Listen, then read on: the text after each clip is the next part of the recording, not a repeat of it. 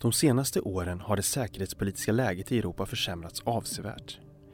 Detta har också avspeglats i den svenska säkerhetspolitiken som senaste decenniet har lagt om kurs. Såväl det militära som det civila försvaret har fått utökade resurser och fler uppdrag. Under 2021 tillsatte dåvarande justitieministern utredningen Ett stärkt skydd för civilbefolkningen vid höjd beredskap för att se över vad som kan göras för att stärka skyddet för civila i kris och krig. I en tid när omvärldsläget blir allt sämre måste även det civila försvaret rustas. Skyddet av civila regleras idag i internationell rätt. Men vi har sett från det ryska kriget i Ukraina hur man från rysk sida inte respekterar krigets lagar utan anser att såväl militära som civila mål är legitima mål. Detta aktualiserar än mer att vi ser över vårt skydd av civila.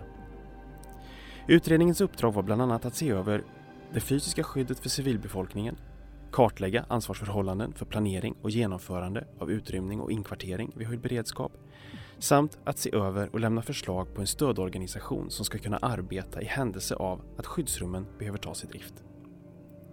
Utredaren Britt Polin presenterade den 7 november utredningens slutsatser. För att få veta mer om utredningen och dess slutsatser har vi idag med oss Britt Polin på distans. Vi har också med oss Anders Forsberg, sakkunnig och tematisk rådgivare nationell krisberedskap vid Svenska Röda Korset som kommer ge oss ramarna för civilt skydd i en folkrättslig kontext. Du lyssnar på Folk och Försvar-podden. Folk och Försvar bidrar till att Sveriges säkerhet ska vara hela folkets angelägenhet. Jag vill börja med att fråga er båda, varför var det viktigt att denna utredning kom till? Britt, vill du börja? Ja tack, gärna. Nej, men det är ju precis som du säger att det säkerhetspolitiska läget har ju dramatiskt försämrats. Eh, och det har ju eh, då försvarsberedningar och också, också regering och riksdag eh, tagit ställning till och då föreslagit att det ska göras ett antal åtgärder inom ramen för totalförsvaret.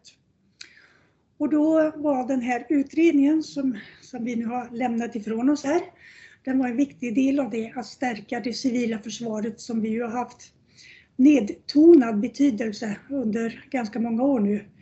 Eh, till exempel så tog vi bort skyldigheten att bygga skyddsrum eh, 2002 och, och det får ju effekter naturligtvis. Så det var väl väldigt angeläget att komma igång och snabbt försöka få upp eh, vår motståndskraft och vårt skydd av civilbefolkningen. Eh, och det var ju därför som utredningen fick relativt kort tid på sig för att också ta fram sina förslag. Anders?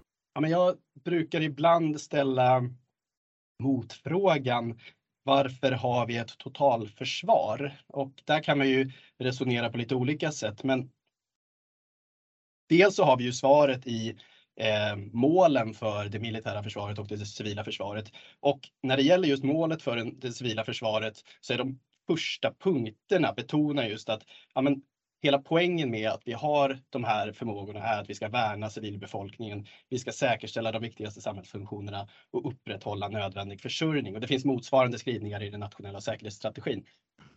För vårt perspektiv så är ju den här utredningen en av de viktigaste i hela totalförsvarsuppbyggnaden eh, skulle jag säga. Vi behöver ju faktiskt, om vi skulle råka ut för ett väpnat angrepp, se till att de som inte är med i striderna, de civila, skyddas från krigets verkningar. Men, men också eh, att eh, de som agerar i striden, de väpnade styrkorna, vet vilka skyldigheter de har. Och här tror jag att den här utredningen är verkligen en nyckel till att börja bena i det där. Det finns flera steg att, att ta, men, men det här är en jätteviktig start. Britt, eh, skulle du vilja börja Eh, med att ge oss en kort summering av de tre viktigaste slutsatserna från utredningen. Mm. Det ska jag göra. Jag börjar med att tala om att en av de viktigaste utgångspunkterna för vårt arbete har varit att vid sidan om att vi sedan lång tid tillbaka har planerat för att det finns tydliga både civila och militära mål som är av strategisk betydelse för en fiende vid ett eventuellt angrepp, så kan vi också nu konstatera eh, dessvärre, att civilbefolkningen i sig är ett strategiskt mål. Ett tåg med flyktingar på väg till tryggare tillvaro är ett strategiskt mål för en fiende, så som vi ser det hända i Ukraina just nu. Och det gör i alla fall att det har påverkat oss när vi har tagit fram de här olika förslagen som finns nu. Det ena är att vi vill ju se till att skyddsrum och andra skyddade utrymmen som till exempel tunnelbanan eller bergrum och parkeringshus och så vidare, att de ställs i ordning. Och där det inte finns skyddsrum eller skyddade utrymmen, att vi, att vi sätter igång och bygger sådana. Det är det ena. Det andra är ju då att vi konstaterar att det är inte säkert att det räcker att man kan vara kvar i ett område även om man har skyddsrum. Utan man måste kanske evakuera. Och då är det viktigt att planera hur det ska gå till. Och det är också minst lika viktigt att planera för hur man ska kunna ta sig emot någon annanstans där det är tryggare.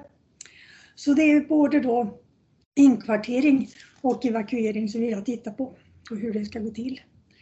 Och sen då så funderar vi på, är samhällets resurser starka nog, de vi har i fredstid, för att klara av att göra den här typen av väldigt stora genomgripande åtgärder. Och ett viktigt, en viktig, viktig del i detta är förstås den eh, kommunala räddningstjänsten.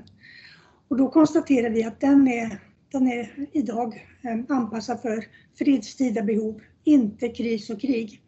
Och därför har vi föreslagit att vi ska införa civilplikt och utbilda 3000 som kan hjälpa till i räddningstjänst plus ytterligare 1000 som kan hjälpa till med eh, utrymning till exempel och allt som har med det att göra och också att sköta de här stora skyddade utrymmena med komplicerad utrustning och förstå sig på att sätta i ordning det och hålla det vid liv.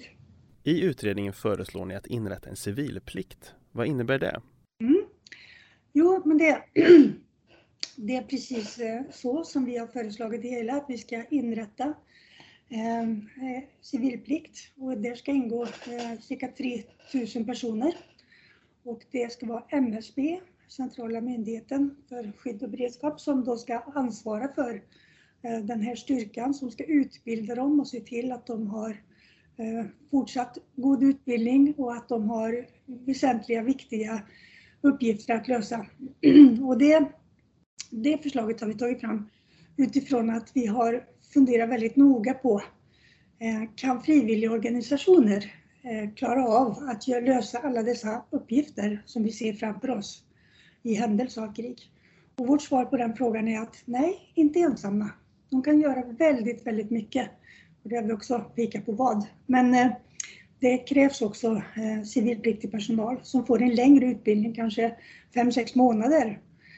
Men vi tror också att det kan finnas många personer som har en, en bra utbildning redan och som kan få en kortare utbildning för att komma igång med detta.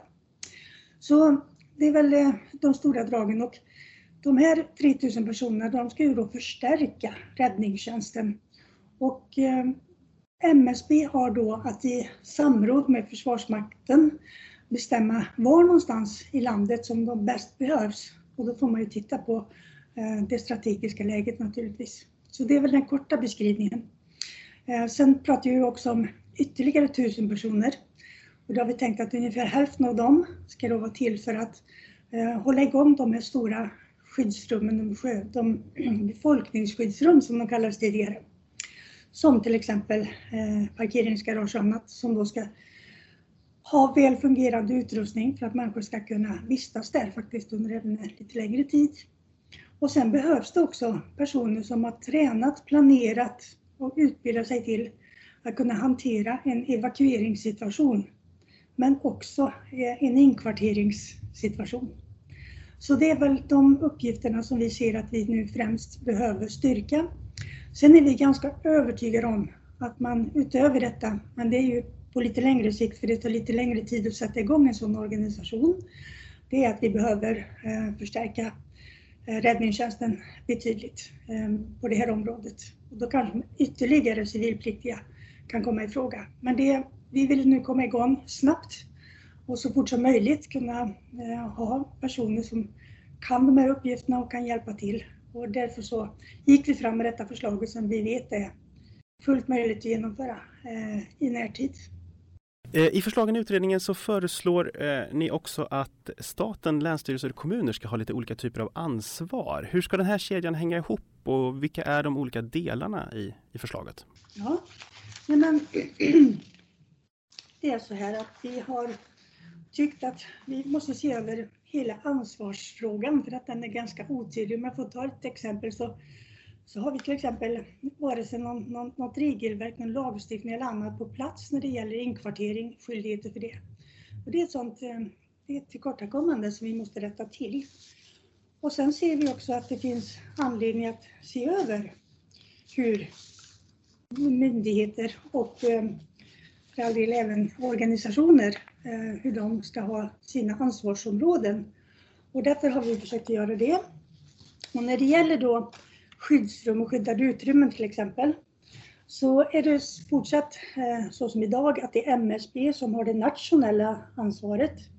Och de har planeringsansvar, de ska ansvara för kvalitet och kompetensen i hela landet. De kan eh, använda sig av föreskriftsrätten och så vidare och så vidare. Det ska de göra.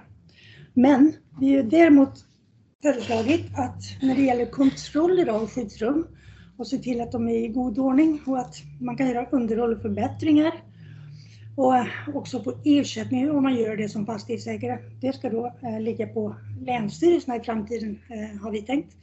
Därför att vi har ju 65 000 skyddsrum som ska kontrolleras och vi föreslår ju att vi ska fortsätta bygga ännu fler. Och då är det rimligt att det finns en annan organisation som är baserad regionalt som ansvarar för tillsynen av dessa skyddsrum och skyddade utrymmen. Och när det gäller så kommunerna så är det ju de som då får sprida kunskapen om, om hur jag som enskild medborgare i kommunen, vad jag ska göra i händelse av, av kris och krig. Var jag kan ta vägen, var skyddsrummen är och så vidare.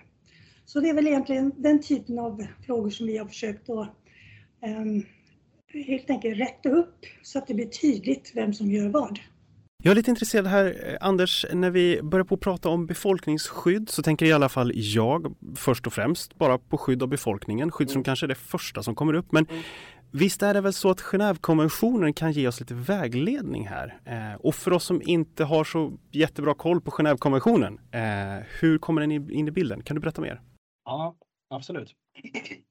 Men jag vill börja med att säga att de här komponenterna som utredningen presenterar är ju jätteviktiga delar i att säkerställa att vi kan upprätta ett, ett fullgott skydd för, för civila om Sverige skulle drabbas av ett angrepp. Men det finns andra delar i det här som utredningen inte fick i uppdrag att, att titta på och som vi lite saknar. Och det du, det du antyder är då att, eh, och du har rätt i det, att eh, Genèvekonventionerna som ju är det en, en, del av ramverket är det vi kallar för den internationella humanitära rätten eller krigets lagar. Är det regelverk som sätter upp vad som egentligen gäller i krig. Vilka får man angripa? Vilka är skyddade? Eh, vilka vapen får man använda? Och så vidare och så vidare. Och i då de här Genèvekonventionerna är fyra stycken och de har också ett antal eh, tilläggsprotokoll som de heter. Och i tilläggsprotokoll 1 så anges då en beskrivning av den verksamheten som, eh, som vi i Sverige kallar för eh, befolkningsskydd. Där eh, i, i tilläggsprotokollet så, så beskrivs den som eh, civilförsvar och det var ju också det vi kallade det för i Sverige faktiskt fram till 90-talet och då är det alltså civilförsvar sammanskrivet, inte det civila försvaret, det är någonting annat. Eh, men, men, vad då tilläggsprotokoll 1 till Genèvekonventionerna gör är att ge en ganska bred palett av vilka typer av förmågor, vilka typer av skydd eh, bör finnas inom ramen för då en, en, den här typen av ramverk, eh, befolkningsskyddsramverk. Och där ingår bland annat de här komponenterna som Britt och utredningen har tittat på. Och, och som jag sa så är de här tre komponenterna är nog kanske några av de mest centrala, de är jätteviktiga. Men det vi ser saknas fortfarande är ju ett mer övergripande ramverk. Och precis som Britt också sa så har vi, vi saknar i Sverige idag flera viktiga lagstiftningsdelar. Vi har inte heller någon övergripande lagstiftning för verksamheten befolkningsskydd. Eh, vi, vi saknar också vissa delar kring ja, men hur ska de här sakerna hänga ihop och för den delen, vad menar vi överhuvudtaget med befolkningsskydd? Vi har i, i dagsläget ingen, ingen definition eller övergripande koncept för vad befolkningsskydd ska betyda i ett svenskt modernt sammanhang. Och det är också någonting som vi har från Svenska Röda Korset tyckt att det här borde kanske ha ingått i, i utredningens uppdrag. Men jag, eh, sen har jag full förståelse för att man måste börja någonstans. Och jag tror att just de här, eh, utan att gå in i, i, detalj på förslagen så tror jag att flera av de här eh, sakerna som ni har lagt fram Britt är ju eh, extremt viktiga delar att börja sortera i. Vem ska ha ansvar för vad? Eh, vem ska ha ansvar för exempelvis att vi överhuvudtaget bedriver en planering rörande utrymning och inkvartering? Det är en jätteviktig, eh, jätteviktig funktion och, och där har ju vi är ju många som exempelvis inom Röda korsrörelsen men även andra aktörer som ju har erfarenheter från, från många situationer där vi också skulle kunna kanske få lite lärdomar. Eh, nu närmast såklart eh, situationen i Ukraina, där vi ju ser att eh, sättet på vilket som civilbefolkningen drabbas ger oss hänvisningar om vad vi sen behöver planera för. Och där som sagt så finns det andra delar utöver de här tre som vi ser eh, som vi gärna skulle tycka vi behöver kika vidare på. Vi, vi kan, vi kan eh, prata vidare om dem eh, om, ni, eh, om ni är intresserade i detalj. Det ingick ju inte i ditt uppdrag att titta på själva definitionen av befolkningsskydd. Hur gick dina tankar gällande definitioner i utredningen och var utredningsdirektiven tydliga nog? Ja, alltså våra direktiv var ju väldigt tydliga och, och vi visste ju att det, det, här är, det här är just de här delarna vi ska jobba med och vi ska göra det snabbt. Eh, man vill ha fram konkreta resultat. Och, det får man ta till sig och gilla och ha respekt för tycker jag. Men jag vill också säga att det har funnits andra utredningar som till exempel har tittat på eh, ja, Barbro Holmbergs utredning som har tittat på hur man ska bättre strukturera det civila samhället. Eh, Där man har strukturerat om ansvaret som länsstyrelserna har till exempel. Och man har haft en utredning som har tittat på varningssystem, hur det går till. Så det har funnits många delar i detta kan man säga som har arbetat parallellt. Men till det vill jag säga att jag håller helt med Anders om att det behövs eh, göras precis det du säger och jag har förhoppningar om att att eftersom nu precis i startgroparna att eh, starta, sätta igång en försvarsberedning igen så hoppas och tror jag att det är mm. där de frågorna nu i första hand landar. Och att de sen kan gå in i en fas när det, när det kan bli lagstiftning. Men på, på de områden som vi, som vi har haft ansvar för i utredningen här så har vi ju färdiga lagstiftningsförslag som eh, kan sättas i sjön relativt snabbt. Men det här övergripande eh, begreppssfären som du säger och, och en del andra frågor också. Eh, ja, allt från utrustning till exempel. Mm. Vad, ska man, vad ska man själv ta ansvar för och så vidare. Allting sånt, det, det har vi ju kvar att lösa. Men jag ser framför mig att det kommer att lösas i en snar framtid med, med, med start i försvarsberedningsarbete. Ni har tagit fram omfattande lagförslag som jag förstår ska kunna implementeras relativt snabbt. Kan du ge oss lite mer detaljer rörande detta? Eh, jag har haft tre väldigt duktiga jurister som har utgjort sekretariatet i utredningen. Så det har vi, eh, det har vi verkligen eh, gått noga fram med. Så att jag vill inte att någon ska kunna säga att, att vi behöver utreda mer eller vi måste ta reda på mer. Det är klart att vi ska skicka ut nu förslagen på remiss och allting sånt, det är ju självklart. Eh, men sen så tänker jag att det vi har lagt fram nu, det, det paketet, det går att sätta igång och trycka på startknappen helt enkelt.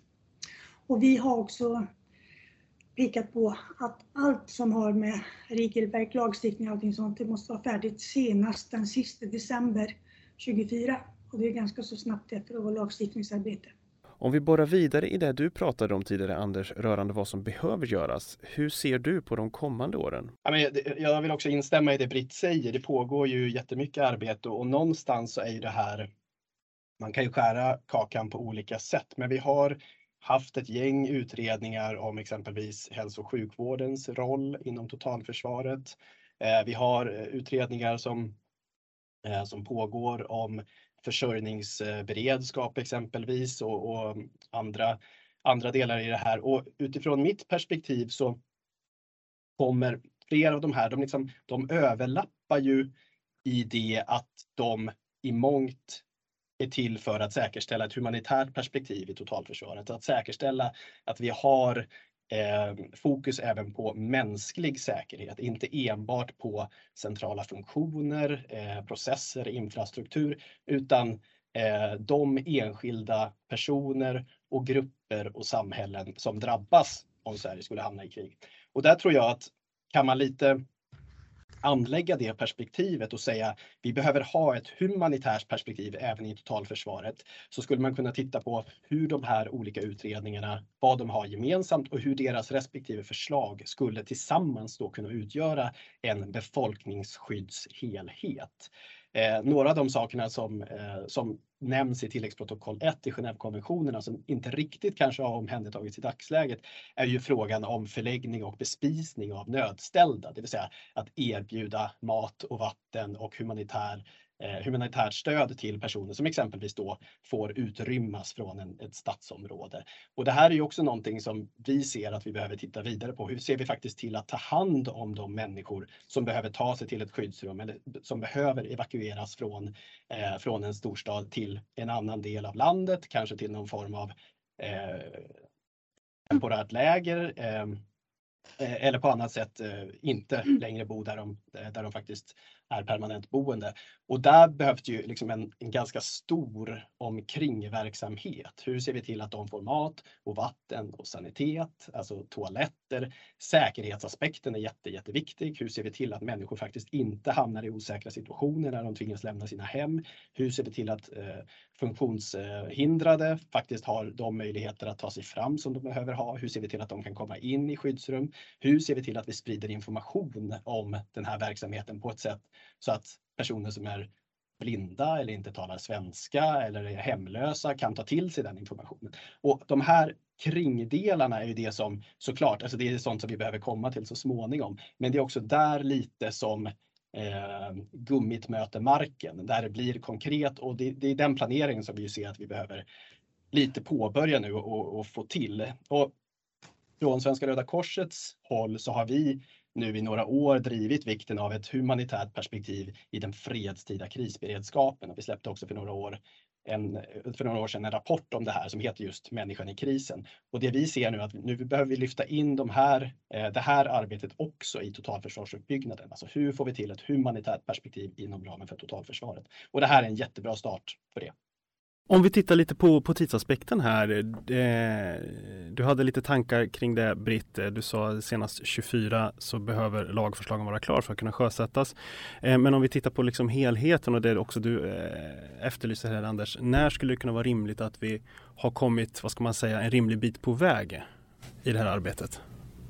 Det beror ju på lite de olika delarna här. Ehm, för att till exempel att bygga skyddsrum det gör man eh, bäst och effektivast när man bygger en, en ny byggnad. Så börjar man från början och förstärker botten, källaren och ser till att det kan bli ett, ett skyddsrum. Och då är vi ju lite beroende av hur byggnationen ser ut runt om i Sverige överhuvudtaget. Så, så det är lite olika svar på den frågan beroende på vilket område vi pekar på.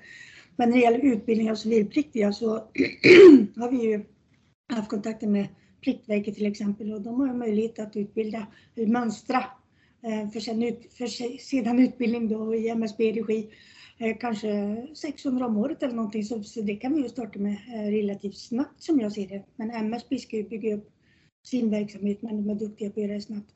Men jag får säga en sak bara om, om det som Anders tog upp, jag tycker det är en väldigt viktig aspekt. Vi har ju föreslagit när det gäller lagen om skydd i olyckor, då är det ju kommunen som redan idag ska ansvara för verkställighet av utrymning, om det ska beslutas om. Men vi har föreslagit att det är kommunen som ska ta ansvar för eh, verkställigheten av inkvartering.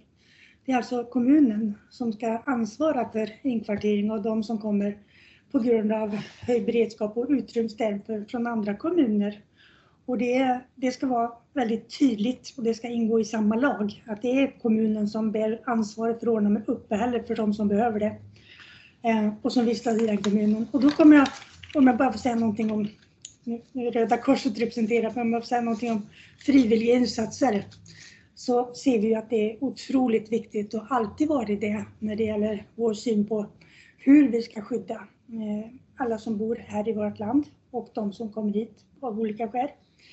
Och då är det så att vi idag har någonting som heter frivilliga beredskapsgrupper.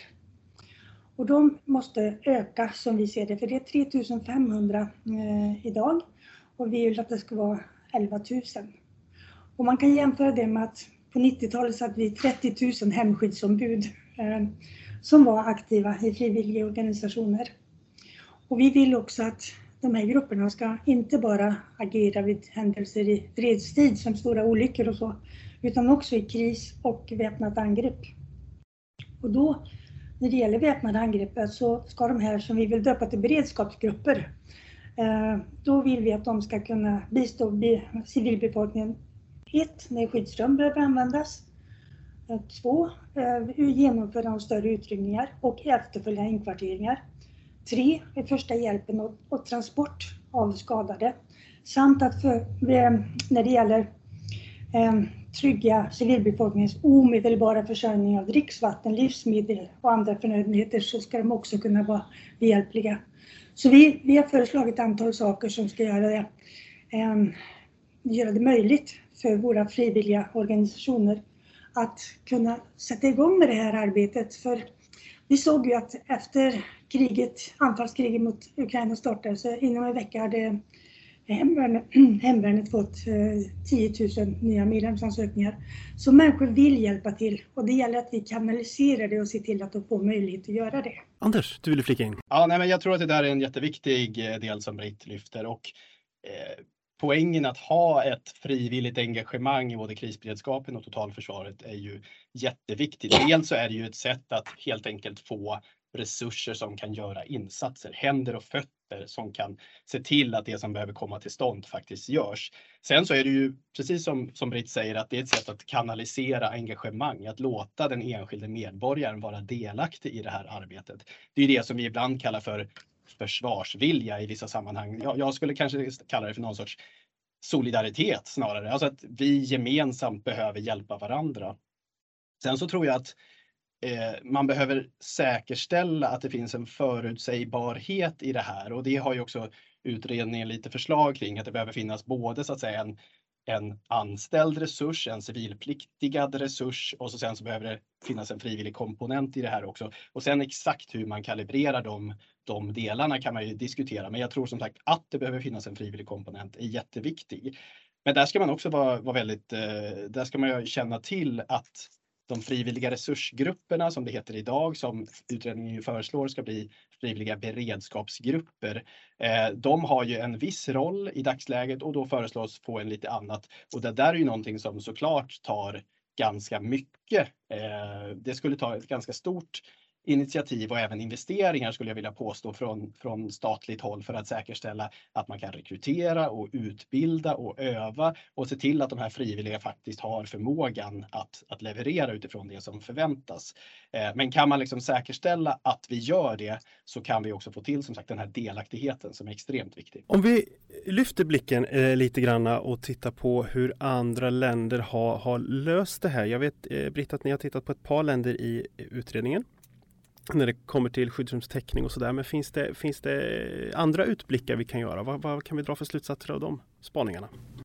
Eh, ja, man kan väl säga då att de som är mest lika oss i det här tänket det är ju Finland framför allt och så är det Schweiz också som har eh, delar väldigt mycket den filosofin att man ska ha skyddsrum och så vidare. Eh, men sen tänker jag att man kan väl överhuvudtaget titta på ehm, engagemanget från frivilligrörelsen som om vi nu fortsätter på den, det temat, så vill jag ju säga att det norska engagemanget är ju alldeles fantastiskt stort och eh, det finns en väl utbyggd struktur. Så det finns väldigt många olika delar som jag tror man, man kan eh, lära av och titta på andra länder. Men eh, vi har ju då vi har ju varit väldigt konkreta och vill bara eh, inte gått så långt så att vi har eh, gjort jättestora förändringar i i apparaten eh, så som det skulle innebära om vi vill bli som Norge till exempel. Eh, men vi inser och förstår att det vi kan bidra med nu, det är att vi tar första steget på en lång rad olika områden här. Vi slår igenom glastaket när det gäller civilplikt till exempel. Eh, och att den sen kommer att utökas det är jag tämligen övertygad om för att det finns inte en möjlighet att till exempel räddningstjänsten ska kunna Ehm, fungera tillfredsställande i händelse av krig med den numerär som finns idag med lite drygt 5 000 heltidsanställda eh, brandmän och 11 000 deltidsanställda. Så det, det, det skulle inte gå för det, numerären är för liten. Så vi har så många stora behov, men vi, jag tänker att vi, för att komma snabbt fram så ska vi bygga på den struktur vi har. Ehm, det är det enklaste. Och om vi tittar på, som vi var inne på förut, så tittade vi på definitionsfrågan rörande skydd av befolkningen. Finns det andra lösningar där i den internationella kontexten som är intressanta att lära av? Alltså definitionsmässigt eh, ska jag inte ge mig in på det heller men man kan ju konstatera att precis som Britt också säger att både Norge och Finland har ju existerande lösningar, exempelvis för frivilligheten, bara för att ta till, gå tillbaka till det en gång till. Eh, där exempelvis i Norge så har eh, norska Röda Korset en, en, roll då i det man kallar för frivillig räddningstjänst. Och även i Finland så har finska Röda Korset en, en viss samordnande roll för civilsamhället och de civila organisationer som bidrar till finsk beredskap. Så där finns det ju dellösningar som man kan kika på. Men jag tror att vi har i Sverige en lång tradition av den, den här verksamheten. Så vi behöver inte gå jättelångt för att faktiskt eh, få en, en, bild av hur det här skulle kunna göras. Enligt Genèvekonventionerna så är ju civilförsvar sammanskrivet, det vill säga befolkningsskyddsverksamheten, fullgörandet av humanitära uppgifter i syfte av att skydda civilbefolkningen mot faror i samband med fientligheter eller katastrofer och så vidare. Eh, och det där är ju en ganska, det är en ganska enkel eh, liksom enkel formulering. Sen så döljer det sig ju ganska mycket i det där. Vad menar vi med humanitära uppgifter? Vad menar vi med skydd av civilbefolkningen? Vad menar vi med faror? Kan man bara bena ner det där så tror jag man kan komma ganska långt. Men men hur vi sen väljer att omsätta det här eh, och också utifrån de erfarenheter som vi har historiskt i Sverige där som sagt den här verksamheten var enormt stor under kalla kriget. Eh, som vi sen avvecklade under 80 och 90-talet i och med ny lagstiftning och eh, mindre fokus på eh, på både det militära och det civila försvaret. Eh, så tror jag att vi, vi, vi har ganska mycket att hämta som sagt utifrån, utifrån vår, vår, egen historik. Här vill jag också bara skjuta in och det tror jag är extremt viktigt att den nya regeringen ju har på, på faktiskt tydligt lyft fram att det civila försvaret får inte halka efter när vi nu satsar på totalförsvaret och på det mil militära försvaret. Och det ska de verkligen, eh, jag menar, det kan man inte annat än att instämma i och det, där tror jag också vi har en lite en nyckel till hur vi ska se på det här. Vi behöver se på totalförsvaret som ett gemensamt arbete där vi behöver vissa satsningar på det militära försvaret och ganska stora satsningar på det civila försvaret för att det helt enkelt ska komma ikapp.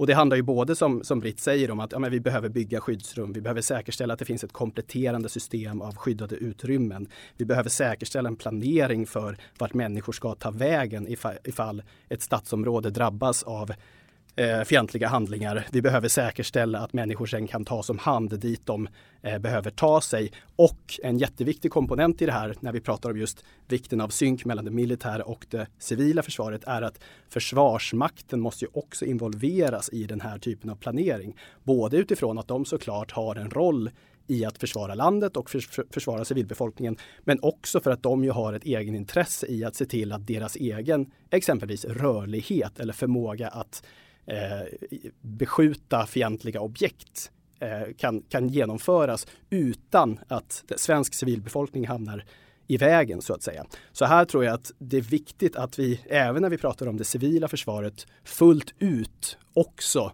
samordnar det med Försvarsmakten och de militära myndigheterna. Utredningens förslag kom ju såklart också med en kostnad. Du nämnde under presskonferensen när du överlämnade utredningen till statsrådet Bolin att det inte är en absolut kalkyl ni föreslår utan att prislappen såklart kan komma att justeras. Hur ska vi se på kostnaderna och hur förväntar du dig att politikerna reagerar på förslagen? Mm. Nej men eh, för det första så Eh, har ju jag utgått ifrån, precis som Anders säger, att det finns en ambition hos både förra, eftersom det är väldigt starkt stöd i Sveriges riksdag för att bygga ut det civila försvaret.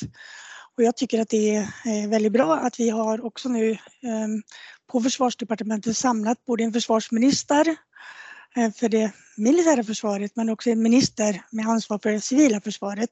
För att båda de här delarna ska växa och de ska växa samtidigt och i harmoni skulle jag vilja säga.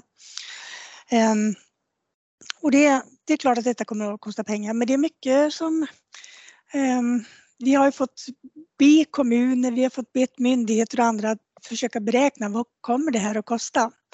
Och i en del stycken så är det väldigt svårt att överblicka det. Eh, för det beror på, som jag var inne på tidigare, en sån enkel sak som hur, hur mycket byggs det?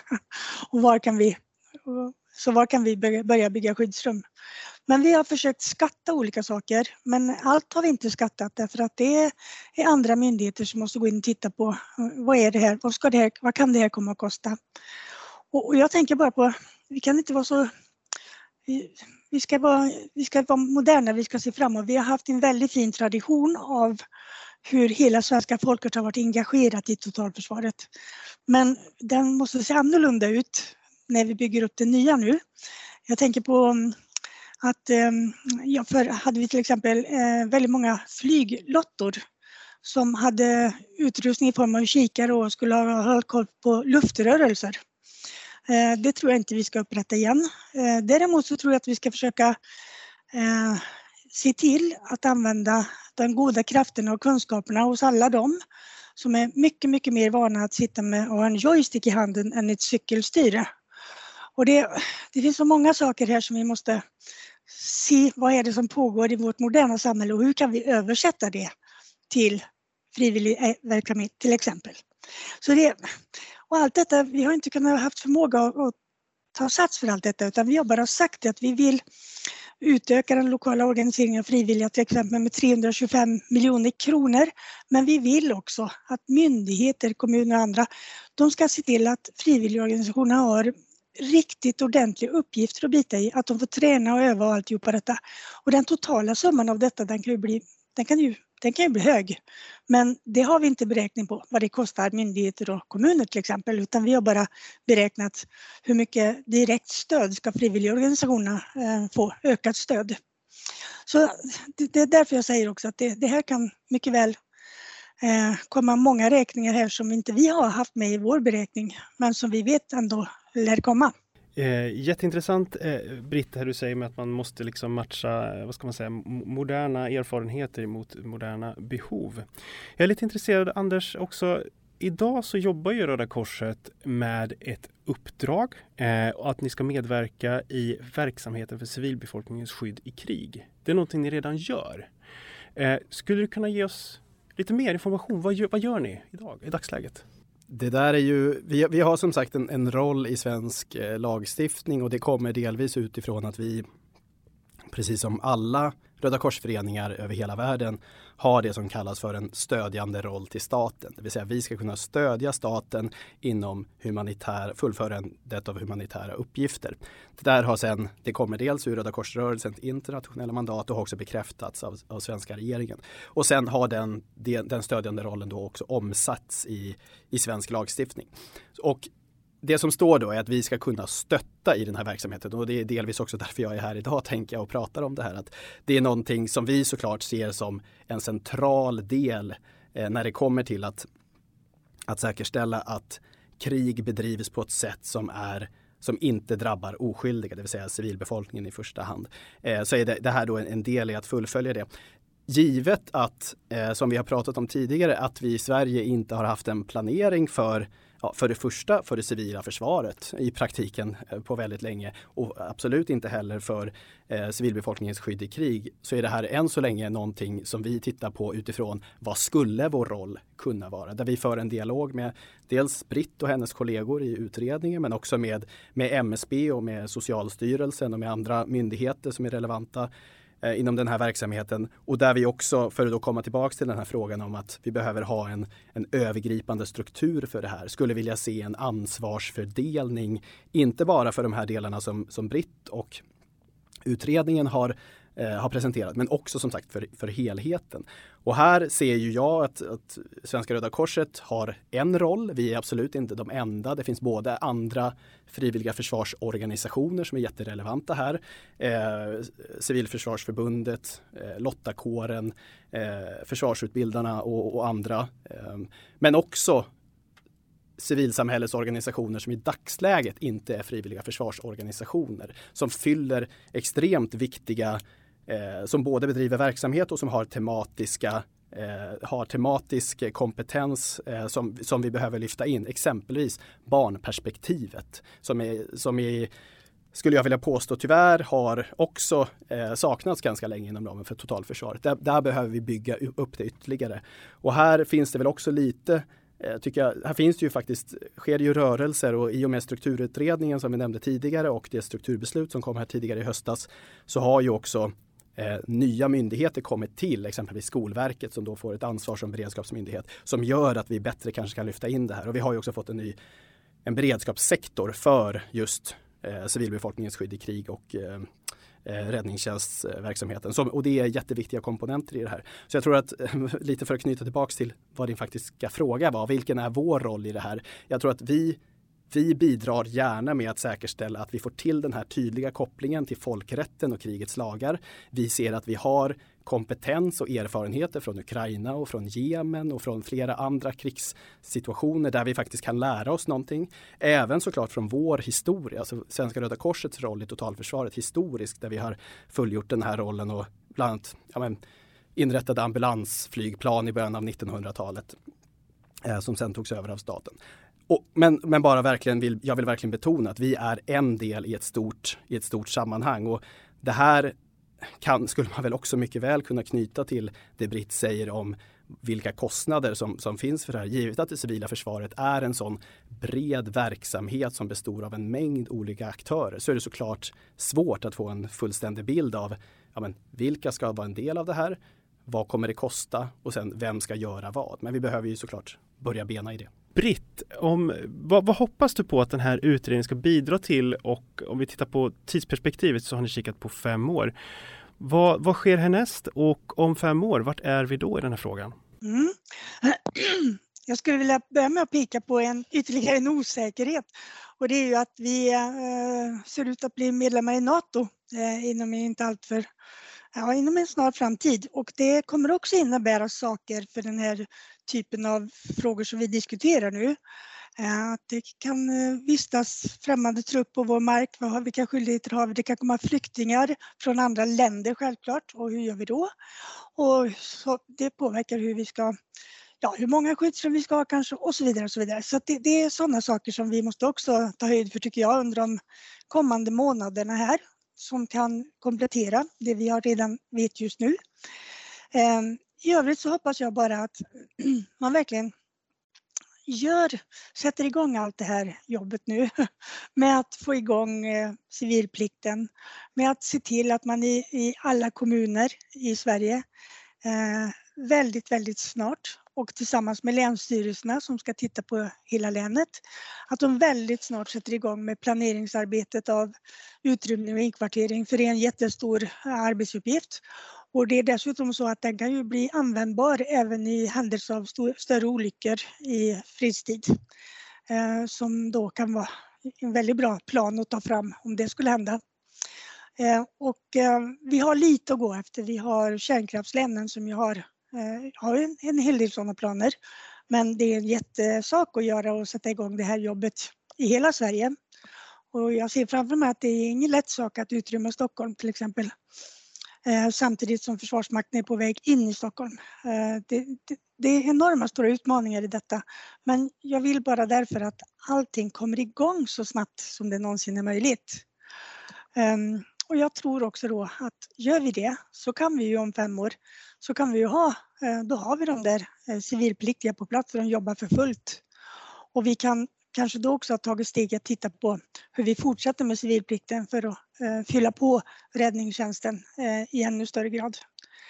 Vilket jag hoppas och tror att vi måste göra. Så det är en lång rad väldigt ehm, praktiska saker som kommer att synas svart på vitt om fem år om vi bara sätter igång nu. Anders? Ja, men jag vill bara knyta an till det Britt sa här om eh, NATO-processen och kanske mer specifikt det arbete kring värdlandsstöd som ju har inletts sedan några år tillbaka och egentligen oberoende av, av NATO-ansökan. Här tror jag att vi också behöver infoga den civila komponenten i värdlandsstödet. Inte enbart hur ska vi ta emot militär trupp och hur ska vi säkerställa att de kan fullgöra eh, sitt uppdrag ifall de skulle behöva komma hit och stödja Sverige. Men också om internationella nödorganisationer som Internationella Röda Korskommittén eller Läkare utan gränser eller FN-organ, OCHA eller UNHCR, om de behöver upprätta Eh, en närvaro i Sverige om vi skulle hamna i en väpnad konflikt. Vilken värdlandsstödskapacitet har vi för den, den, typen av organisationer? Och det skulle jag säga saknas i stort sett helt i dagsläget. Det vill säga, vi behöver komplettera även värdlandsstödsdiskussionen med en civil komponent utöver den militära. Så det tror jag, som, precis som, som Britt säger, är, eh, är viktigt. Och jag skulle också verkligen peka på utrymning och inkvartering som en central del i det här där vi verkligen behöver börja bena i det konkreta. För just som, just som du säger Britt så är det här någonting som skulle kunna användas även vid fredstida händelser ifall vi skulle behöva evakuera ett stort befolkningsområde i händelse av en kärnkraftsolycka eller vad man nu skulle kunna tänka sig utsläpp av giftigt avfall. Eh, där vi helt enkelt måste evakuera en stor del av befolkningen och flytta dem till en, till en annan plats. Så det är ju en, eh, skulle jag säga, en grundläggande komponent i i vad som behöver komma till stånd. Och också bara att tillfoga att NATO har ju när vi sen, om, om och när vi blir medlemmar i NATO så har ju NATO också krav på civila förmågor som behöver komma till stånd. Eh, och där, där saknar ju Sverige i dagsläget några av dem. Vi, har inte, vi kommer inte på dag ett kunna leverera på alla de, eh, på de eh, förmågorna som NATO önskar att vi som eh, möjlig medlem ska ha. Ehm, exempelvis att kunna eh, hantera storskaliga flyktingströmmar inom landet. Det är någonting som vi i Sverige i dagsläget saknar. Som ju såklart då hänger ihop med utrymnings och inkvarterings eh, förmågan och kompetensen som behöver komma till stånd. Så där skulle vi också kunna använda det för att så småningom också kunna leverera på NATO, NATOs sju eh, ehm, eh, grundförmågor som behöver finnas. Och om, om ni båda bara ska få göra ett kort medskick här nu och rekommendationer till de beslutsfattare som ska gå vidare med de här frågorna. Anders, om du vill börja, vad skulle det vara för något? Ja, men, som jag varit inne på nu flera gånger, vikten av att grunda eh, verksamheten civilbefolkningens skydd under höjd beredskap i den humanitära rätten och i krigets lagar. Det här är någonting där det finns en tydlig koppling till Genèvekonventionerna. Den behöver göras explicit och vi behöver fastslå en övergripande ett övergripande koncept för vad menar vi överhuvudtaget med befolkningsskydd och hur ska det omsättas i ett svenskt modernt sammanhang? Och Britt, vad vill du göra för medskick? Jag vill att våra politiker intar en Zelenskyj-attityd, det vill säga att förstår vikten av att det man gör, det bidrar till att hela befolkningen känner en större trygghet och är med, beredd att vara med och, och bidra på alla bästa möjliga sätt och då måste politiken gå först. Så var modig. Stort tack både Britt Bolin, utredare och Anders Forsberg från Svenska Röda Korset. Du har lyssnat på Folk och Försvar-podden. Podden är skapad av David Brun. För att ta del av mer av vår verksamhet, besök vår hemsida www.folkochforsvar.se